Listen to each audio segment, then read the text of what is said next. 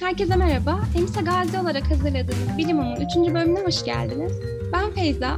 Bu bölümde felsefe ve tıbbın kesişim kümesi olan nörofelsefe hakkında tartışacak, bilincin ne olduğundan, fiziksel ve fenomenal dünyadan, yapay zekadan da bahsedip beynimize biraz multidisipliner yaklaşacağız. Bugün Türkiye'de nörofelsefe deyince başta akla gelen isimlerden histerik bilinç, beynin gölgeleri, zor problem, bilinç gibi pek çok kitabın yazarı olan Saffet Murat Tura hocamızla birlikteyiz. Bizi kırmayıp değerli vaktinizi ayırdığınız için çok teşekkür ederiz hocam. Hoş bulduk Feyza. Kendinizden biraz bahseder misiniz bize? Meraklı bir adamım. İyi bir doktor olmaya çalışıyorum. Ya benim esas bu dünyadaki problemim şey oluyor Feyza. Nereden geldik, nereye gidiyoruz, nedir bu? Büyük bir oyun var. Yani oyun dediğim e, büyük bir şey oluyor. Değil mi?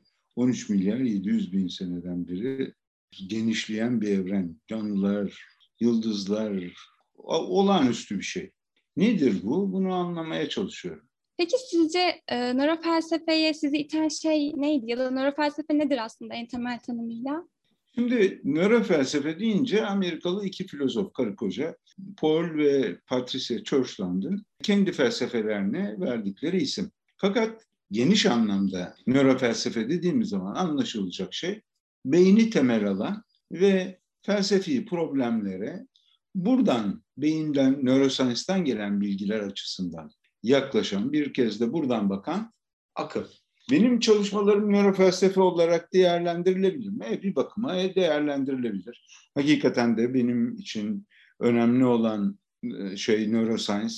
Çünkü hem yakın hem bildiğim bir konu hem de hakikaten çok ilginç bir şey. Yani evrende bildiğiniz en ilginç olaylardan biri beyin. Bu bakımdan çok ilgilendiriyor. Ve ben naturalist bir felsefeyi, naturalist bir varsayımı benimsiyorum. Yani dünyanın kendi içinde açıklanabileceği varsayımından hareket eden bilmi temel alıyorum. Buradan yola çıkarak bu klasik problemlerimizi, işte anlam nedir, bilinç nedir, maddeyle e, madde nedir gibi problemleri bir de bilimin içinden gelen bilgilerimize dayanarak yeniden değerlendirmeye çalışıyorum. Yani bunu da bir tek neden yapıyorsunuz derseniz hani bir tek meraktan yani. Bundan ne para kazanılır ne şöhret olur hiçbir şey olmaz. Bir sonraki sorum şu benim. Bilinç nedir? Aslında böyle çok net bir tanım yapmakta zorlandığımız bir kavram ama en azından bilincin sizcesi nedir tarzı bir soru daha doğru sanırım. Şimdi bilinç deyince çok şey anlamak mümkün malum.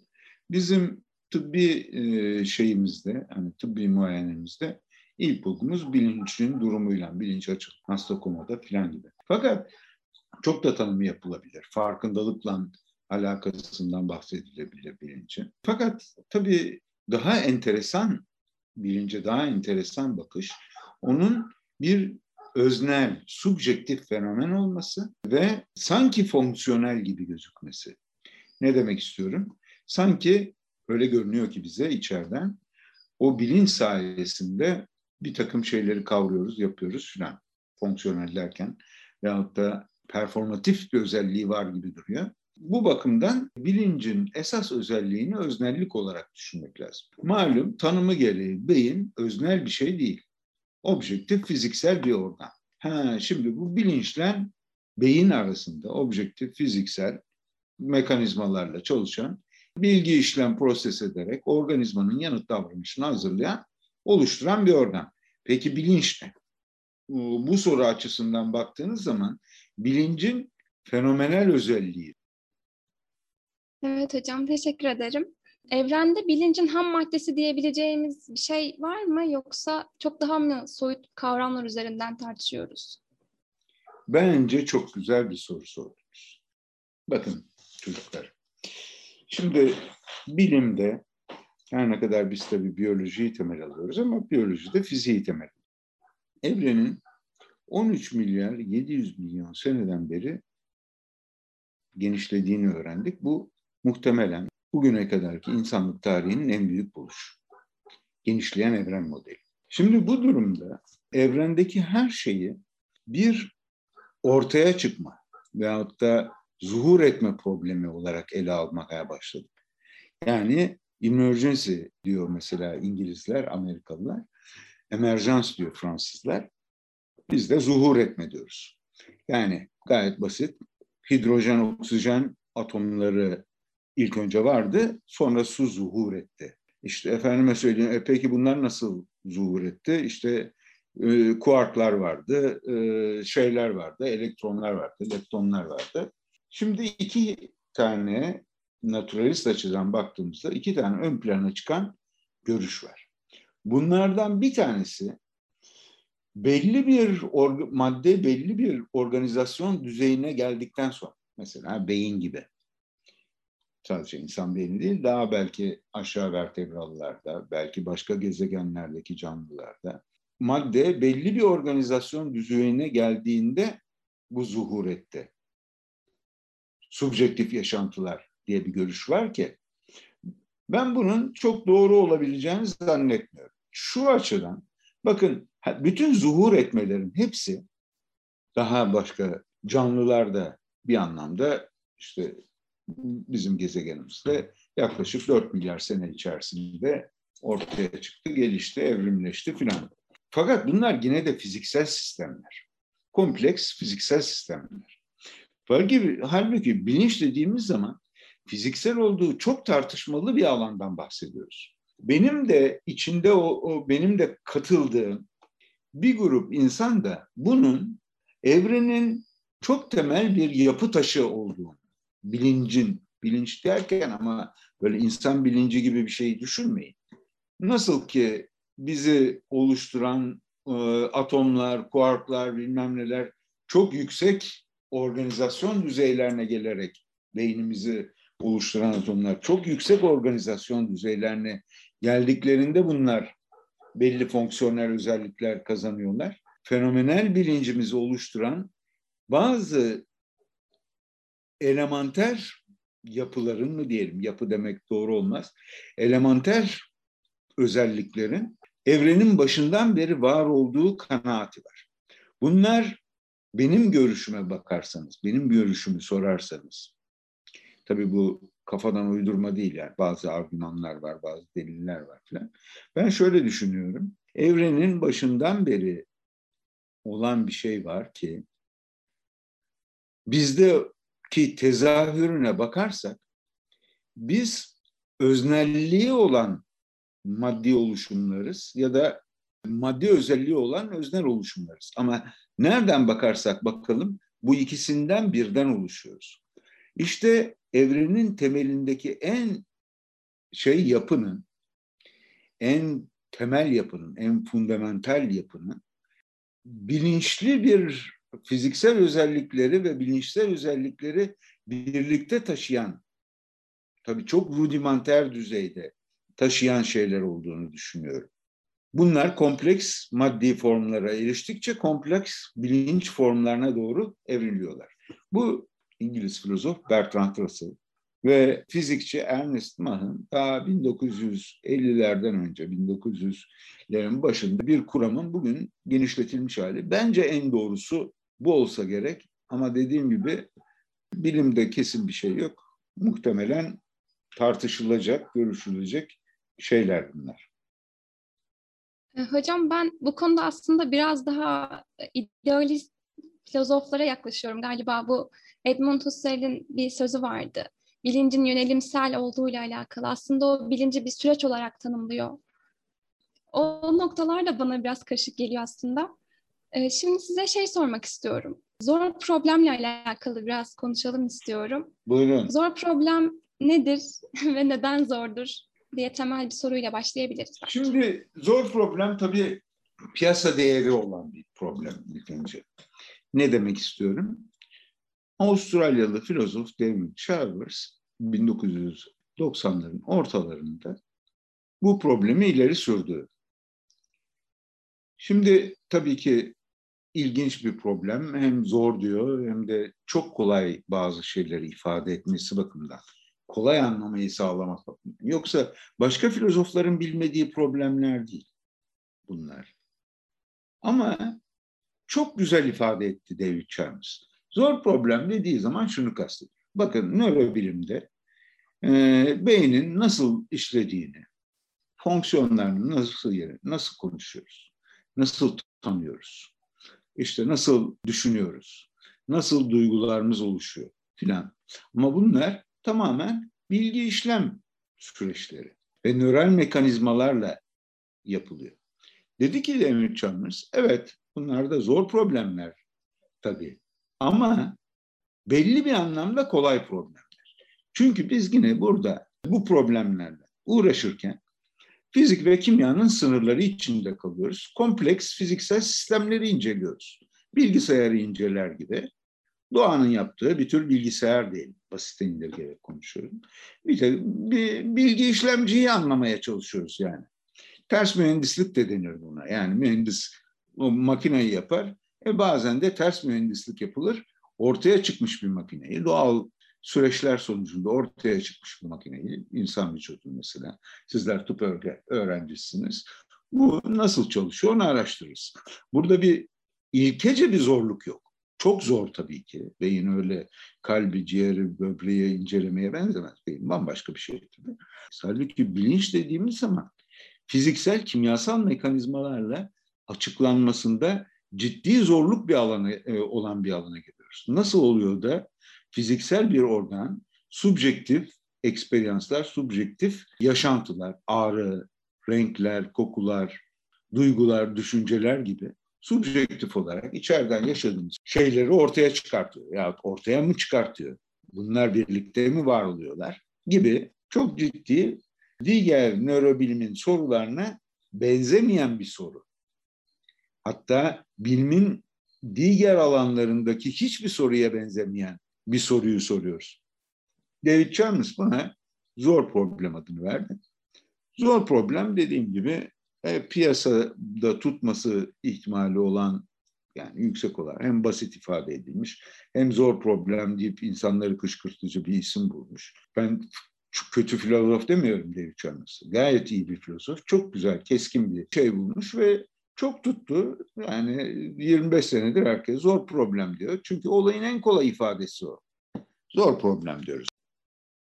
Hocam şimdi şunu sormak istiyorum ben. Kitabınızda bahsettiğiniz birinci şahıs probleminin ne olduğunu biraz değinmek istiyorum. Ve bu problemi çözebilir miyiz? Nasıl çözebiliriz? Birinci şahıs, üçüncü şahıs problemi zihin felsefesinin bir problemidir. Zihin felsefesinde ki problemi basitçe şöyle ifade edebiliriz. Ben şimdi, ya siz Feyza veya Zeynep veya Sıla hepimiz bir subjektif var, dünyada yaşıyoruz. Ben buna fenomenal dünya diyorum. Amerikalı meslektaşım Tonloni buna bütünleşmiş enformasyon diyor. Ama bu bir subjektif yaşantı dünyası. Şahit olduğunuz şey sahiden şeyler değil, maddi oluşumlar değil. Bunların bizim beynimizdeki nöral faaliyetlere neden oluyor bunlar. Bu nöral faaliyetler sırasında, bilgi işlem sırasında bu fenomenal yaşantılar ortaya çıkıyor. Bunlara Amerikalı bazı filozoflar fenomenal bilinç diyor. Yani öznel, fiziksel olmayan, hatta fizikte kolay kolay ifadesini bulmayan şeyler olarak öyle diyor. Dediğim gibi ben buna fenomenal dünya diyorum. Çünkü merkezinde sizin o yer aldığınız şu anda benim de yer aldığım ve kendi subjektivitemden oluşan kendi subjektivitemi algılıyorum yani. Dış dünyayı gerçek dünyayı değil, gerçek dünyanın bende oluşturduğu subjektiviteyi anlıyorum, yaşıyorum. Nasıl elinize batan iğne sizde subjektif bir duyuma yol açıyor ise, iğnenin acısını öyle hissediyor iseniz, dış dünyada beynimize batıyor diyelim kabaca ve bu subjektif yaşantı çıkıyor ortaya. Şimdi bu subjektif yaşantının ortaya çıkması ile beraber biz birinci şahıs olarak kendimizi algılıyoruz. Yani diyoruz ki ben varım, benim algılarım var filan. Değil mi? Üçüncü şahıs dediğimiz zaman dış gözlemciyi kastediyoruz. Yani dış gözlemci de bana bakıyor. Ne benim iç dünyamı görüyor. Ne siz benim şu anda iç dünyamı görüyorsunuz. Hiçbir şey görmüyorsunuz. Ben sizin fenomenal dünyanızda, ben sizin öznel dünyanızda ses olarak, görüntü olarak varım. Ama benim iç dünyamı inceleyemezsiniz, göremezsiniz, şey yapamazsınız. Üçüncü şahıs bakış açısından ben biyolojik bir robotum. Bana içeriden sorarsanız ben bilinçli bir özneyim. Bunlardan hangisi doğru? Bir tanesi yanılsama mı? Ben biyolojik bir robotum da benim kendimi özne zannetmem, fenomenal bir dünyamın olduğunu zannetmem, beynimin ürettiği bir tür hayal mi? Değil mi? Yani aslında belki birinci şahıs diye bir şey yok. Bu bir illüzyon da olabilir. İşte bu probleme yani birinci şahıs bakış açısıyla dışarıdan bakıp da bana bu bir fiziksel biyolojik robot diyebilirsiniz. Çünkü beynimde bir takım olaylar oluyor. Motor korteksimden emir geliyor, kolum kalkıyor mesela değil mi? Robot gibi bir şeyim yani. İşte bu iki bakış açısını nasıl bir araya getiririz problemine birinci şahıs, üçüncü şahıs problemi denir. Bu konu sevgili arkadaşlar Türkiye'de çok önemsenmiyor. Dünyada da yani birinci planda önemsenen bir problem olduğunu söyleyemem ama entelektüel açıdan dünyadaki en önemli problemlerden bir tanesi. Bazı araştırmalar yapılıyor bilim insanları arasında.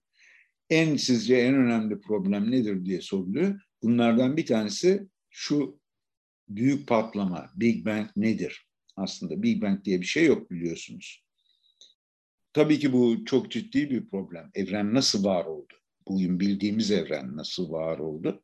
Çok ciddi bir problem. Ama ondan hemen sonra biz nasıl bilinçli varlıklar olduk?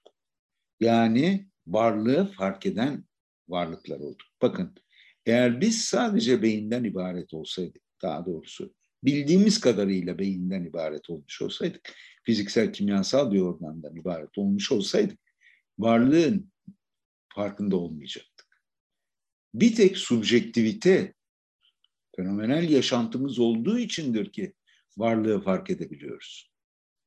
Ha bir robot diyelim fenomenal iç yaşantısı olmayan bir robot bir takım argümanlar ileri sürebilir. Bu argümanları da konuşuruz. Nasıl argümanlar filan. Yani siz bizim şu bilgisayarımız bile diyebilir ki düşünüyorum o halde varım. Varlık diye bir şey vardır. Bütün bunları konuşabilir. Bizim şu bilgisayarımız bile yapabilir bunları. Ufak bir program. Ama çok iyi biliyoruz ki bizim anladığımız, hissettiğimiz gibi varlığı anlayamaz, hissedemez. Ama bunu da hiçbir zaman ispatta edemeyiz. Sadece o bizim iş dünyamızda kalır.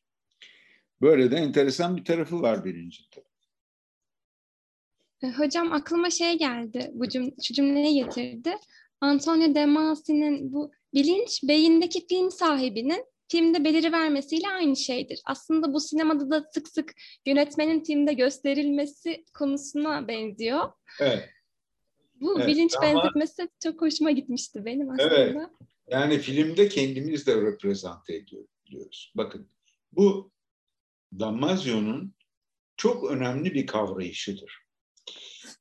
Tabii bir anekdotla bir basit bir şekilde anlatmaya çalışmış ama bakın ben size yıllar evvel e, tedavisini üstlendiğim ilk hastalarımdan birinden bahsedeyim size.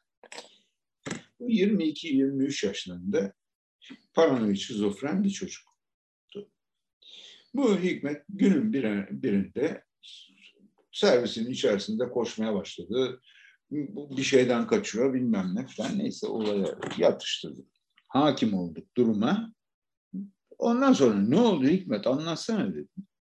Şimdi bu kendisini takip eden 3 metre boyunda kafasından yeşil ışıklar saçan taştan bir dev gördüğünü ve onundan kaçtığını falan anlattı. Şimdi bakın burada üç şeyi ayırt etmemiz lazım. Bir tanesi halüsinasyonlar değil mi? Dev halüsinasyon. İkincisi ne? Hikmetin kendisi. Üçüncüsü ne? Hikmetin beyni. Şimdi Hikmet'e sorsak bize ne diyecek? Hikmet zeki eğitimli bir çocuk. Diyecek ki sen nesin Hikmet falan diye sorsak Hikmet bize şunu diyebilirdi. Yani düşünüyorum o halde varım. Ben bir özneyim. Kararlarımı alıyorum, hissediyorum, davranıyorum. Siz beni deli diye akıl hastanesine yat, attınız belki ben de hakikaten şeyim ama ben bir özneyim diyecektim. Değil mi? Ben bir düşünen benim. Ego cogito'yum diyecektim. Peki halüsinasyonu ne? Halüsinasyonu da onun bir algısı. Bir de beyni var. Diyoruz ki bu halüsinatuar yaşantısını Hikmet'in beyninin özellikle paria, e, şey posterior bölgelerindeki nöral aktivitelerle birlikte ortaya çıktı bunlar. Bunlar yarattı, onlar üretti demiyoruz ama onlar var yani. Beyninin arka taraflarında nöral aktiviteler var. Peki ama Hikmet'in kendisini özne olarak hayal etmesi, yaşantılaması, devi hayal etmesinden daha mı az hayal? O da beynin ön taraflarını, özellikle dorsolateral prefrontal korteks ve bazı orta yat, orta hat yapılarını, çok arkaik yapılar bunlar aslında. Şeyden gelen, Dammazio'dan bahsettiğimiz için buralara girdim. Yapılar. Bu yapıların aktivitesiyle beraber ortaya çıkan bizim bir sense of self'imiz var. Yani kendilik duygumuz var. Dolayısıyla acaba biz sahiden var mıyız? Yoksa beynimizin aktiviteleriyle birlikte ortaya çıkan kendimizle ilgili bir algı mıyız? Yani kendim dediğimiz şey aslında kendim değil de beynimle beraber ortaya çıkan bir tür algı. Dan mı ibaret? Şimdi buradan Damasio buradan bakıyor olaya. Diyor ki rüya var diyor ama o rüyayı gören de değil mi ona benzer bir cümle söylüyor. Rüyanın içerisinde temsil ediliyor. Çok güzel ifade etmiş bence olayı. Biz de beynimizin ürettiği rüya gibi görülebiliriz bir bakıma. Rüyanın içindeki rüyanın egosu olan bir şey gibi görebilebiliriz bir bakıma. Fakat bu kompleks kompleks bir olay. Yani basit bir halüsinasyon olarak düşünmeyin. Anlatması biraz uzun. Ama muhtemelen biyolojik evrim beynin kendisini oynadığı taş, satranç taşı gibi anlamına veyahut oynadığı kukla yani ne? Biziz. Beyin, beynimiz bizi bir kukla gibi oynuyor aslında değil mi? O impulslar yolluyor. Biz dediğimiz şey bedenimiz. Motor faaliyetlere neden oluyor. Şuna buna neden oluyor. Beyin kendini oynadığı kukla olarak düşündüğü takdirde survival şansının artmış olması ihtimali farklı. Ne demek istedim burada? Kendilik deneyimi dediğimiz durum, ben dediğimiz durum aslında doğrudan varlığının farkında olduğumuz bir şey değil. O bir algı ve aslında algı da değil, bir anı. Çünkü işte ben dediğiniz anda o an geçmiş oluyor. Siz ona geriye dönüp bakıyorsunuz. Şunu demek istiyorum çocuklar. Descartes biliyorsunuz düşünüyorum o halde varım demişti. Düşünüyorum o halde düşünen ben olarak varım demesi gerekiyor. Demek istemişti yani. Düşünen ben olarak varım. Aslında şöyle demesi lazım Descartes. Düşündüğümü hatırlıyorum. Biraz evvel düşünüyordum. O halde varım. Gibi bir cümle söylemesi lazım. Biz kendimizde bir anıdan ibaretiz. Bir anı deneyimi olarak varız.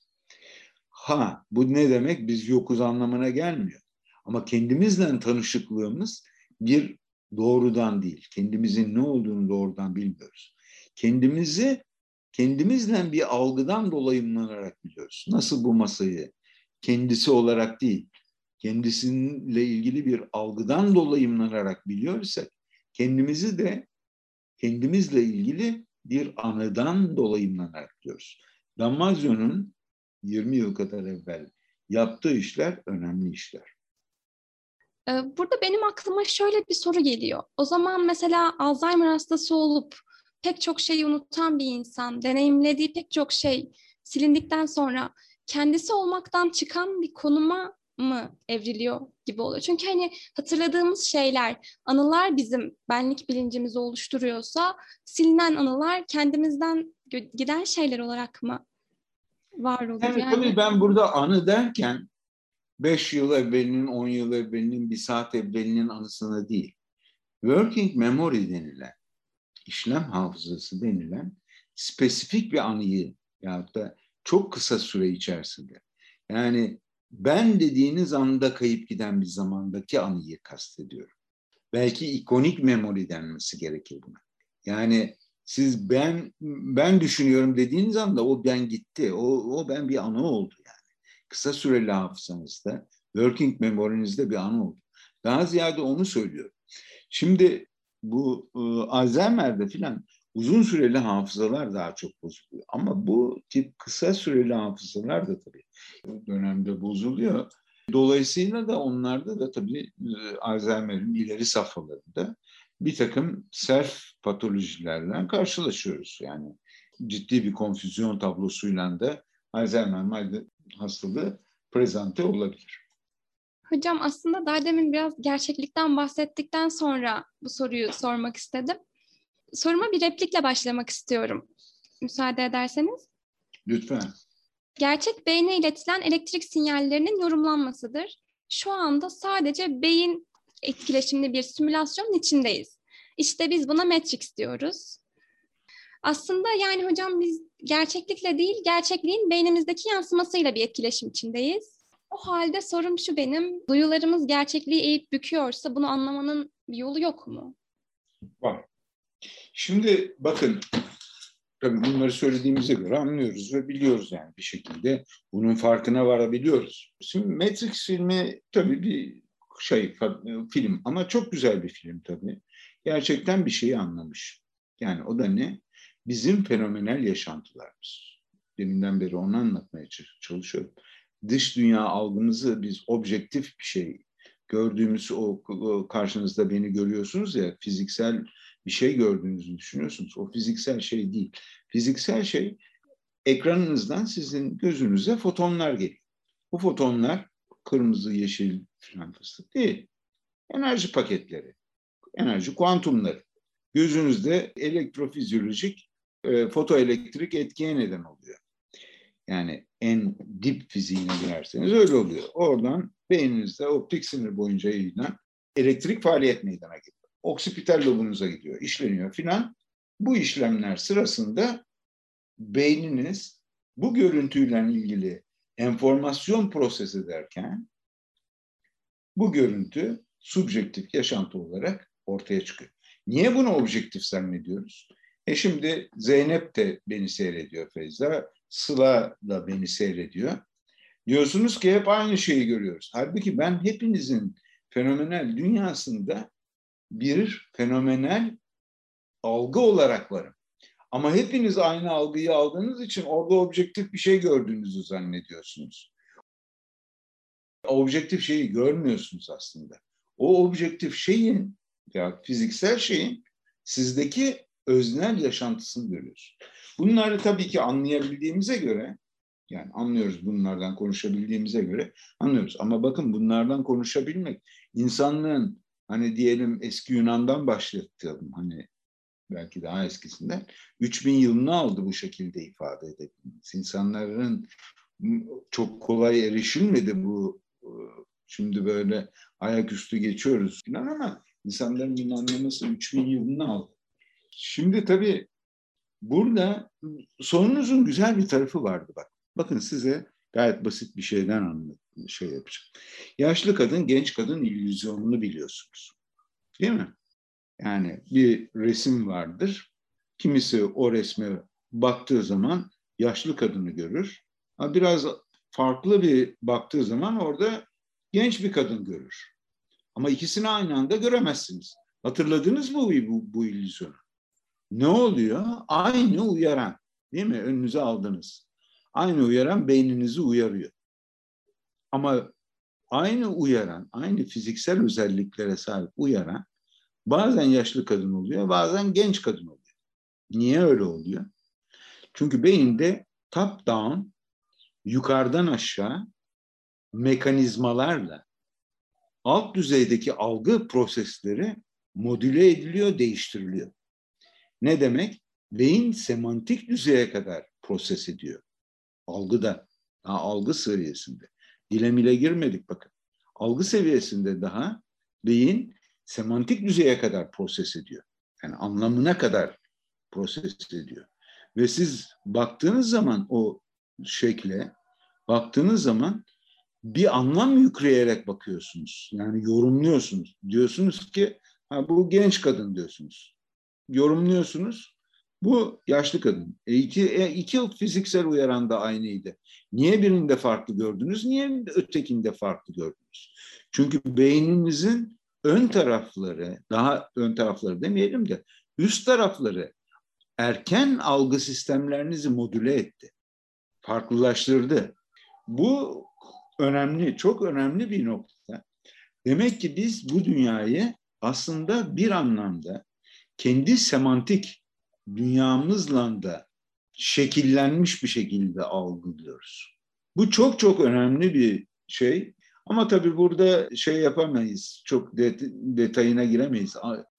Bir sonraki sorum şöyle hocam. Sizce, seni sorayım çünkü bu çok fazla değişken bir konu. Özgür iradeden bahsedebilir miyiz? Böyle. Yani tabii bahsedebiliriz. Ee, bu konuda e, henüz bir e, düşünce yasağı gelmedi. şey yapabiliriz tabii ki e, bahsedebiliriz teyze. Fakat şöyle bir şey, şimdi özgür iradeden bahsettiğimiz zaman biraz tehlikeli bir konuya giriyoruz. Klinik psikologlar diyorlar ki, siz böyle özgür iradeden falan bahsediyorsunuz. Özgür irade yoktur diyorsunuz nörobilimciler bilmem neler falan. İnsanlar bundan kötü etkileniyor. Aslında hem bu böyle bir şey var. Yani şimdi insanlar kötü etkilenecek diye dünya dönmüyor diyecek halimiz yok. Dünyanın dönmesi de insanları kötü etkiliyor. Ne bileyim ben insan soyunun maymunlarla ortak atadan geldiğini söylediğimiz zaman da insanlar kötü etkileniyor. Filan şimdi insanlardan gerçeği saklayacak halimiz yok tabii. Fakat gerçek mi bu? Değil mi? Henüz bu kesinleşmiş bir şey değil. Evet, çok ciddi bir şekilde hem teorik olarak hem pratik olarak birçok şey var. Hem deneysel hem teorik olarak birçok şey var ki özgür irademizin olması ihtimali az gibi gözüküyor. Niye? En basitinden şöyle düşünün. Beyniniz fiziksel kimyasal mekanizmalarla çalışan bir organ. Şimdi özgür iradenin olması için fizik ve yani bizim anladığımız anlamda şey olması için bizim fiziksel ve kimyasal yasalara tabi olmayan doğaüstü varlıklar olmamız lazım. Yani şu bilgisayarın özgür iradesi yok da benim beynimin niye olsun? Diyeceksiniz ki ha bizim bir öznel yaşantımız var, şu var, bu var filan. Tabii olay karışık. Bu kadar basit değil. Onun için de yani bunun ciddi bir varsayım olduğunu, birçok bilim insanının bu konu bu kanaatte olduğunu ama dikkat edin kanaat inanç değil. Kanaat değiştirilebilir. Elimizdeki veriler, bildiğimiz teoriler bu yönde düşünmeye sevk ediyor bizi. Ama şunu demiyor kimse. Dememeli. Yani özgür irade yoktur. Yok böyle bir şey söylenemez. Hakeza hocam özgür iradenin maddeye bağlı olması ya da hani hiç var olmamış olması etik açıdan bir sorun doğuruyor. Hatta hani etiğin kendi sorunlu hale geliyor. Çünkü eğer böyle bir özgür iradeden bahsedemiyorsak çok fazla teolojik kısımlar da biraz kümeye düşüyor gibi oluyor hocam. O yüzden dediğiniz gibi tehlikeli bir konu özgür irade. Şöyle bir şey, şöyle bir şey Feyza. Şimdi tabii insanlığın değişimi her zaman güle oyunu olmuyor. Acı içerisinde acılar çekerek oluyor. Ama bu biraz da kaçınılmaz bir şey. Şimdi Galile olgusunu düşünün.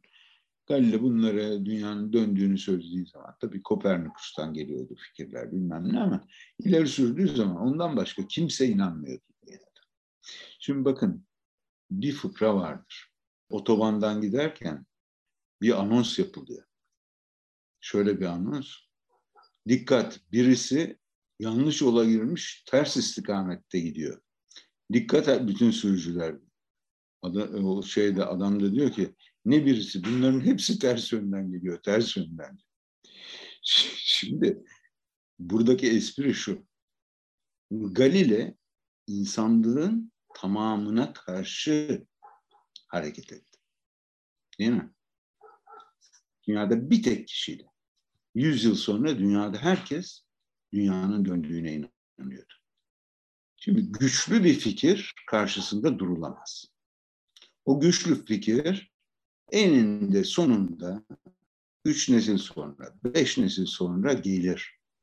Çünkü akıl onu gerektirir. Şimdi buna benzer bir durumu bu özgür irade konusunda da şey yapacağız. Tamam. Bu bizim dünya görüşümüzü ciddi bir şekilde etkiler mi? Etkiler. Ama biz ahlaklı insanlar kulübüyüz. Filozof Daniel Dennett'in gibi dediği gibi. Ne demek bu? Yani biz ahlaklı davranmaya karar vermiş robotlarız diye kabul edin. Bu durumda bazı veyahut da suç işlememeye programlı varlıkları yani kendimizi öyle kararlaştırdık. Kendi aramızda böyle bir karar aldık. Hiçbir ulvi nedeni bilmem nesi yokmuş gibi düşünün. O zaman dahi insanların suç işlemesinin cezalandırılması, ben elleri koparılsın, gözleri oyulsun falan gibi bir ceza sisteminden falan bahsetmiyorum. Ama suçun bir cezasının olması gerekir. O ceza sistemini kur, korumak meşrudur. Çünkü insanların davranışlarını engeller. Özgür iradesi olsa da engeller, olmasa da engeller. Değil mi? Dolayısıyla bizim cezalandırma sistemi şey yapılacaktır büyük bir ihtimalle. Hani biraz modifiye edilecektir, şöyle bakılacaktır, böyle bakılacaktır ama yine de insanlık cezalandırma sistemlerinden, hukuktan vazgeçmeyecektir. Geçmemesinde de fayda var tabii yani. Evet hocam. Ee, şimdi biraz daha güncel bir soruyla devam etmek istiyorum. Sizce yapay zeka bir gün bilinç sahibi olup felsefe yapabilir mi? Ya da bu tarz eylemlerde sizce ne tarz bir gelecek bizi bekliyor yapay zeka adına? Güzel. Güzel bir soru. Şimdi ilkece yapabilir. Ne demek istiyorum? Bakın fonksiyonalizmin temel ilkelerinden bir tanesi fonksiyonalist düşünce dünya görüşü ki biyoloji de bir fonksiyonalist dünya şeyidir, teoridir. Bütün fonksiyonlar bir fiziksel gerçeklikçi tarafından gerçekleştirilen bütün fonksiyonlar başka türlü fiziksel sistemler tarafından da gerçekleştirilir. Gerçekleştirilmesinde bir sakınca yoktur. Yani veyahut da bunu engelleyen bir kural yoktur. Ne demek bu çocuklar? Şu demek. Böbrek nasıl diyaliz aletine bağlıyor muyuz? Beynin, böbreğin fonksiyonlarını bir makine yapabiliyor. Farklı bir fiziksel sistem ama yapabiliyor. Dolayısıyla insan beyni de bir fiziksel sistem. Fonksiyonelist bakış açısından bakarsak yapmasını engelleyen herhangi bir bir başka fiziksel sistemin insan beyninin fonksiyonlarını taklit etmesini engelleyen bir yasa yok gibi duruyor. Yapılabilir. Şu andaki duruma bakar isek durum ne? Şu anda bir yapay zeka felsefe yapabilir mi? Şu anda bir yapay zekanın felsefe yapabileceğini zannetmiyorum. Niye? Şu anda ulaştığımız nokta açısı. Bakın, bundan yıllar evvel fizikçi Roger Penrose bu geçen sene 2020 yılında Nobel Fizik Ödülünü aldı. Çok çok değerli bir adam. 90 yaşında adam pırıl pırıl teoriler üretiyor, bilmem ne yapıyor falan. Bunun bilinçle ilgili bir kuantum mekaniği teorisi vardır. Şimdi bu adamcağız niye böyle düşündü? Bilgisayarın insan zekasını taklit edemeyeceğini düşündü. 1990'ların ortaları. Şundan dolayı düşündü. Dedi ki Gödel teoremi tarzı teoremler bir bilgisayar tarafından ispatlanamaz. Nedir Gödel teoremi? Bakın Gödel teoremi çok basit. Evre, yani dünyada herhalde bu kadar kolay, bu kadar basit Gödel teoremi anlatılmamıştır. Size çok basit bir şekilde Gödel teoremini anlatayım. Gödel teoremi aksiyomatik bir sistemde sistem tarafından ispat edilemeyen ama doğru önermeler olduğunu ileri sürer. Şöyle yapıyor bunu. Çünkü yine bakın çok basit bir şekilde şey yapıyorum. Şimdi şöyle bir paradoksu bilirsiniz hepiniz. Bir Giritli bütün Giritliler yalancıdır dedi. Değil mi? O zaman bu önerme yalan mı? Doğruysa yalan oluyor. Yalansa doğru oluyor. Değil mi? Self-referansiyel statement'lar bunlar. Gönder bunu matematik içinde be becerdi. Bu tipleri önerme elde etmeyi. Aksiyomatik bir sistemin içerisinde üretmeyi becerdi. Buna benzer önermeleri. Nasıl yaptı bunu? Şöyle yaptı. Dedi ki bu önerme çok basite indirgiyorum. Tabii ki böyle değil. Bu önerme hareket ettiği aksiyonlardan da ispat edilemez. Şimdi bakın. O zaman ne yapmamız lazım? Aksiyonlarla bunu ispat etmeye çalışmamız lazım. Ama ispat ettiğiniz anda ispat edilemediğini ispat etmiş oluyorsunuz. Değil mi? Ya da ispat edemediğiniz zaman e o zaman doğru oluyor. Yani nereden bakarsanız doğruysa doğru, şey, paradoksal bir önerme elde ediyor. Önerme bu değil ama buna benzer bir mantıktan gidiyor. Peki bunu nasıl yapıyor? Şimdi bu önermenin kendisini matematik içerisinde ifade edilebilmesi lazım. Değil mi? Bütün matematikle ilgili önermeleri Gödel, buna matematikçiler Gödel coding diyorlar. Asal sayılarla şey yapıyor, ifade ediyor. Böylelikle matematik bir sistem, matematik aksiyomatik bir sistem, kendi içinde self referansiyel hale kendi içinde kendinden bahsedebilen bir sistem haline getiriyor aksiyomatik sistemleri göre. O zaman da durum ortaya çıkıyor. Şimdi bu diyeceksiniz ki ödeyin şey. Roger Penrose dedi ki bakın dedi bu argümanı dedi bilgisayar yapamaz dedi. Niye yapamaz biliyor musunuz dedi. Ya, bu bilgisayarda bu durma problemi yaratır dedi. Şeye geldiğinizde önermeyi elde ettiğiniz zaman ne yapacaksınız? E peki aksiyonlardan elde etmeye çalışalım. Geldiğiniz zaman sürekli olarak sizi aksiyonlara geri gönderecek teorem. O zaman bilgisayar bu problemi çözemeyecek. Ha diyeceksiniz ki yeni aksiyon ilave ederim sisteme bunu çözerim. O zaman Gödel gösteriyor ki e sen onu çözersen başka bir önerme çıkıyor. İspat edilemeyeceğini gösterdi dedi. Dedi ki Roger Penrose'da bakın bu Gödel teoremini bir dijital bilgisayarın ispat etmesine imkan. Ha, bundan yola çıkarak aslında beynin bir kuantum bilgisayarı olduğunu ileri sürdü. Eğer sonra laf açılırsa kuantum bilgisayarı hakkında da konuşuruz. Nasıl bir şey? Kuantum bilgisayarı nedir, nasıl çalışır? Onları anlatırız. Fakat buradan şu noktaya gidiyoruz. Bazı problemler vardır. Halbuki insan ne yapıyor? Biz hemen bir görüşte ha e, şey evet bu teori e, bu teorem doğru ama bu sistem tarafından ispat edilemez. Hemen anlıyoruz. Bilgisayar anlayamıyor dedi Penrose. Şimdikiler anlıyor mu? O ayrı bir tartışma eğer yer gelirse konuşuruz. Şunu demek istiyorum. İnsan zekasının çok kolaylıkla çözdüğü problemleri çok gelişmiş bilgisayarlar çözemiyor. Niye? Çünkü bizim global bir görüşümüz var. Yani biz sistemin bütününü, bütünü görüyoruz. Sadece parçayı görmüyoruz. Bakın bunu biraz da şöyle anlatayım. Satranç oynayan, bizimle satranç oynayan bilgisayar aslında bilgisayarcıların e, brute force dedikleri, kaba kuvvet kullanarak yeniyor bizi. Ne demek bu kaba kuvvet kullanmak? Tek tek bilgileri alıyor, senden hızlı algoritmaya uyguluyor. Bizden uzun yoldan gitmesine rağmen çok hızlı çalıştığı için bizi yeniyor. Ama insan zekası o bütün ihtimalleri bir seri olarak işlemesine rağmen insan zekası bütünü görüyor ve bazı ihtimalleri hiç değerlenmeye bile almayabiliyor. Almıyor. Biz küçük bir alanda çalışarak şey yapıyoruz.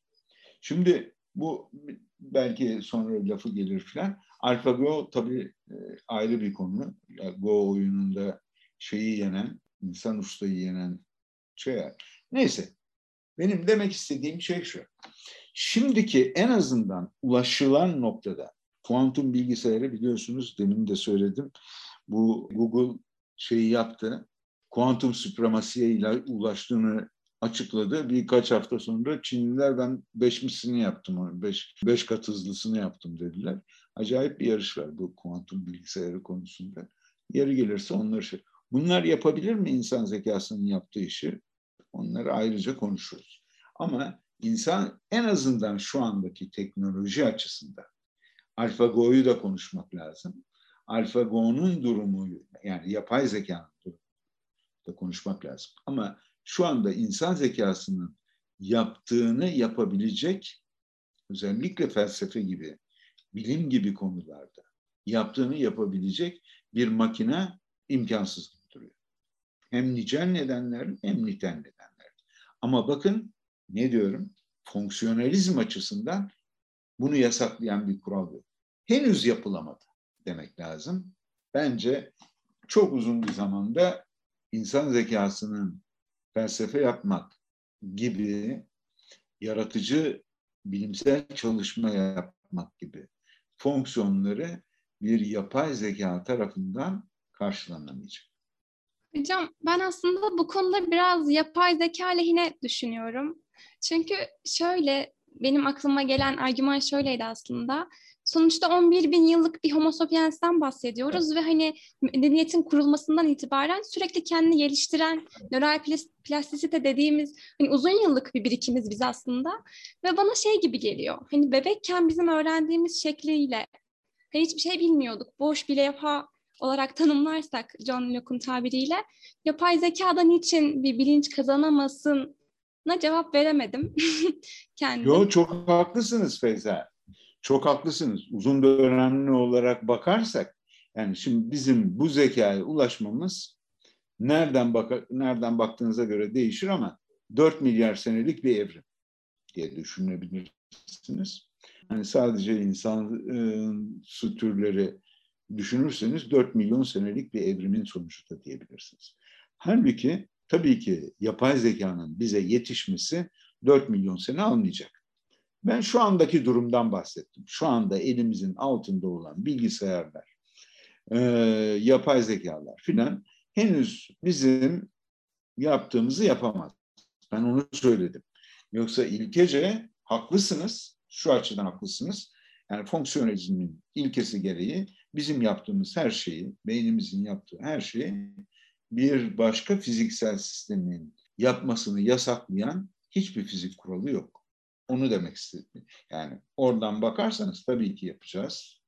Yapılacak. Ne olacağını bilemiyoruz ama dediğinizi ben dediğinizden çalışmıyorum teyze. Tabii tabii hocam. Ee, ben şey sormak istiyorum. Ee, bilinç probleminde bir son nokta var mı? Yani insanların zihnine erişim ya da zihin transferi gibi şeyler gelecekte mümkün olabilir mi? Yoksa bilinç çok öz has böyle gerçekten başka insanlara aktarılamayacak bir fenomen mi sizce? Bence evet. Aktarılamayacak bir problem. Şimdi beni çok ilgilendiren, bakalım siz de aynı şeyi hissedecek misiniz? Çok mantıklı bir şey olarak düşünmüyorum. Yani nasıl diyelim matematik gibi bir şey değil de daha çok insani bir hissediş gibi bir şeyden bahsedeceğim size. Bakalım sizde de aynı duygu uyanacak mı ya? Bir süre sonra ne dediğimi daha iyi anlar mısınız? Yani 13 milyar 700 bin senelik bir tarih. İşte gözlenebilir evren 93 milyar yıl çapında. Ne yıldızlar, ne galaksiler, ne şunlar, ne patlamalar, kim bilir başka gezegenlerde ne yaşam tarzları var, neler var yani. Bizim güneş sistemimizi kastetmiyorum. Yani olağanüstü bir pretorya. Müthiş bir çeşitlilik. Ve ben kendimi şöyle düşünüyorum. Bu kadar müthiş şeyin içerisinde şuradaki şeyin ben olması ne demek? Yani şuradaki şey niye benim? Çok mantıklı bir soru olmadığının farkındayım. Ama içimizde bir şey hissettirdiğini de düşünüyorum. Bu hissiyat yani. Çok fazla bu yani edebiyatı seviyorum, sevmiyorum gibi bir şey demiyorum da yani edebiyatı kullanmayı yani biraz belden aşağı vurmak gibi geliyor bana. Onun için her şeyi daha açık, daha bilimsel konuşmak. Yani insanları duygusal olarak etkilemeden, sadece akıllarına hitap ederek tezlerimi kanıtlamaya çalışıyorum. Onun için de edebiyattan uzak dur.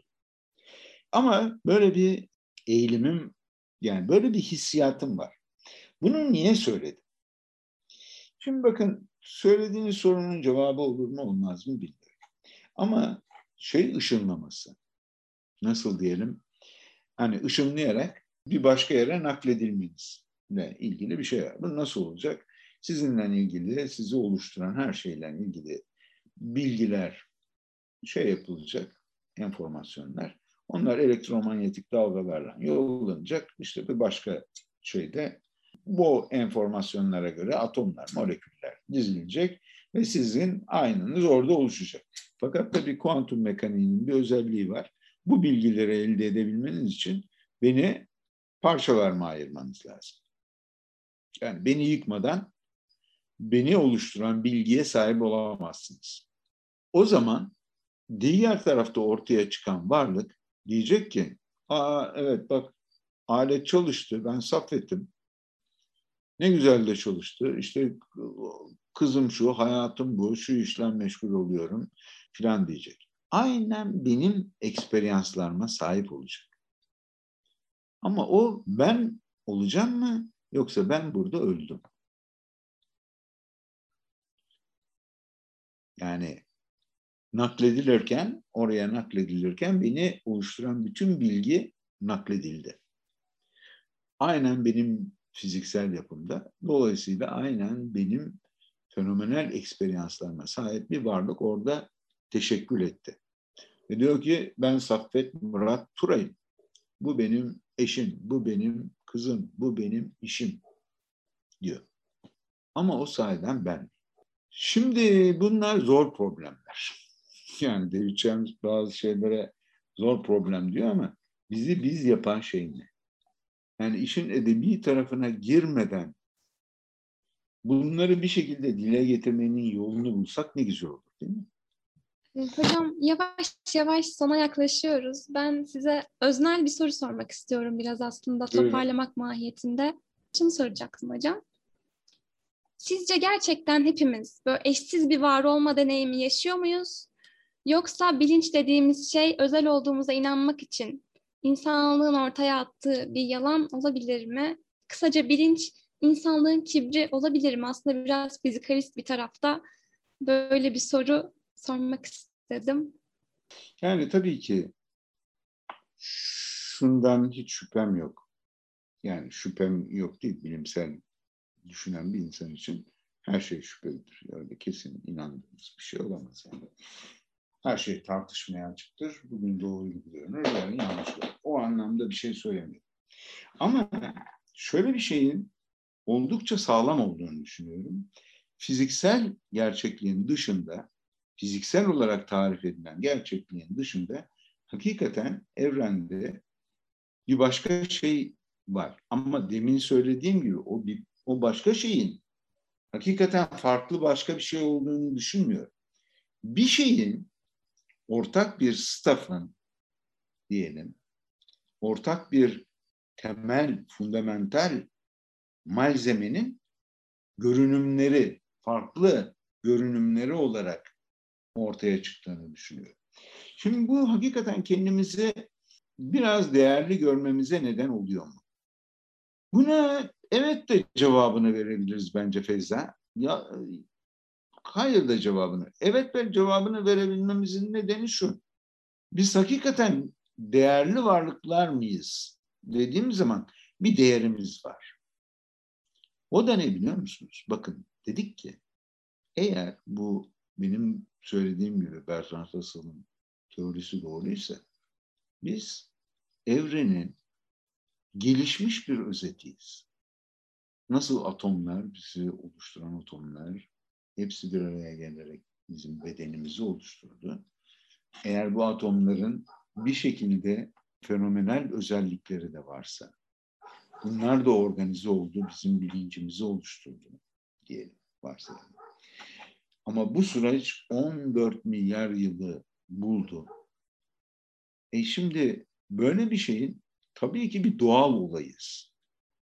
Ne bileyim ben yağmur yağması gibi, gök gürlemesi gibi filan fıstık. Ama şöyle bir bakarsak hakikaten de özel bir doğa olayız. Oldukça özel bir doğa olayı diye düşünüyorum. Ha ama son tahlilde işte yani çok gelip geçeceğiz. Bakın evren 13 milyar 700 bin 700 seneden 700 milyon seneden beri var. Bu süreç içerisinde evrendeki antropinin arttığı düşünülüyor. Evren en düşük antropi düzeyinden başlayarak daha e, antropisi yüksek düzeylere gidiyor.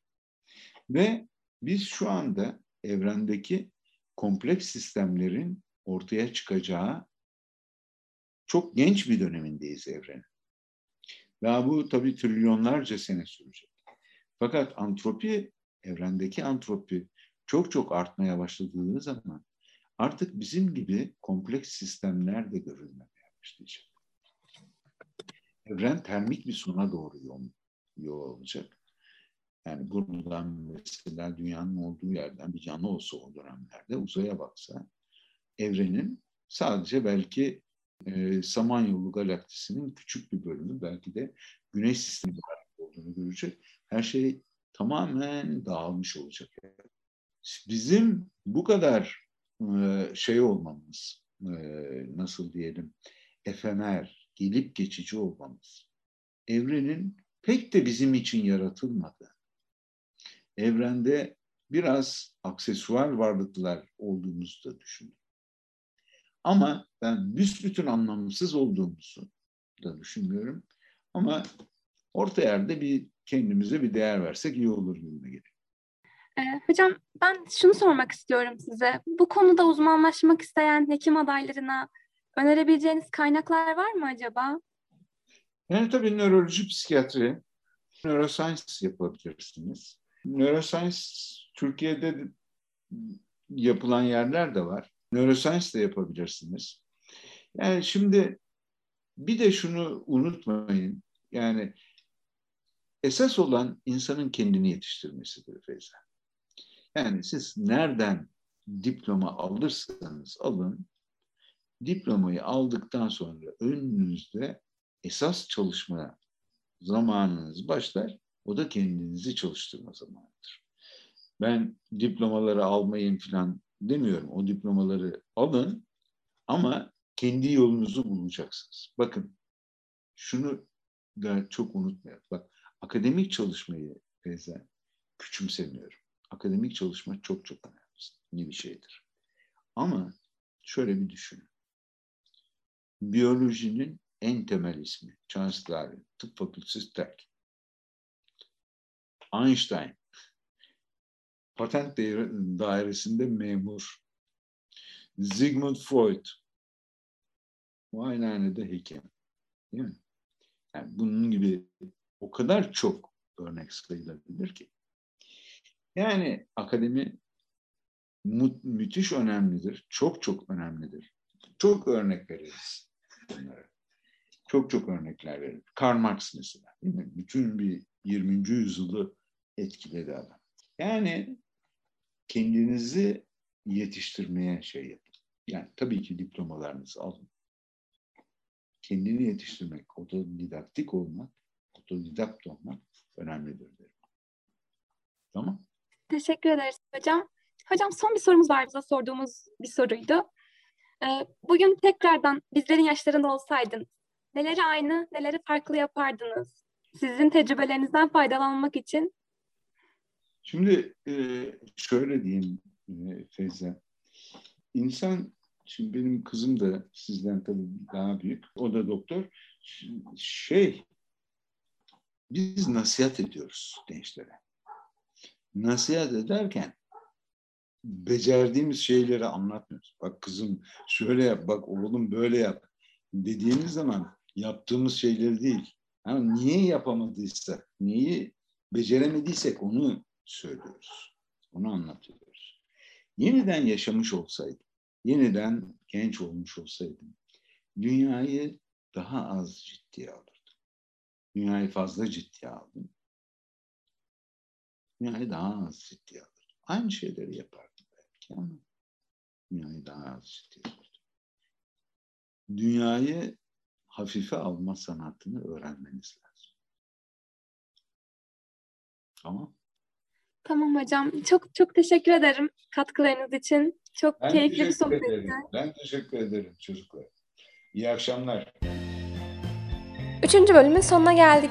Bizi dinlediğiniz için teşekkür ederiz. Bizi Emsa Gazi Instagram hesabımızdan takip etmeyi unutmayın. Bir sonraki bölümde görüşmek üzere.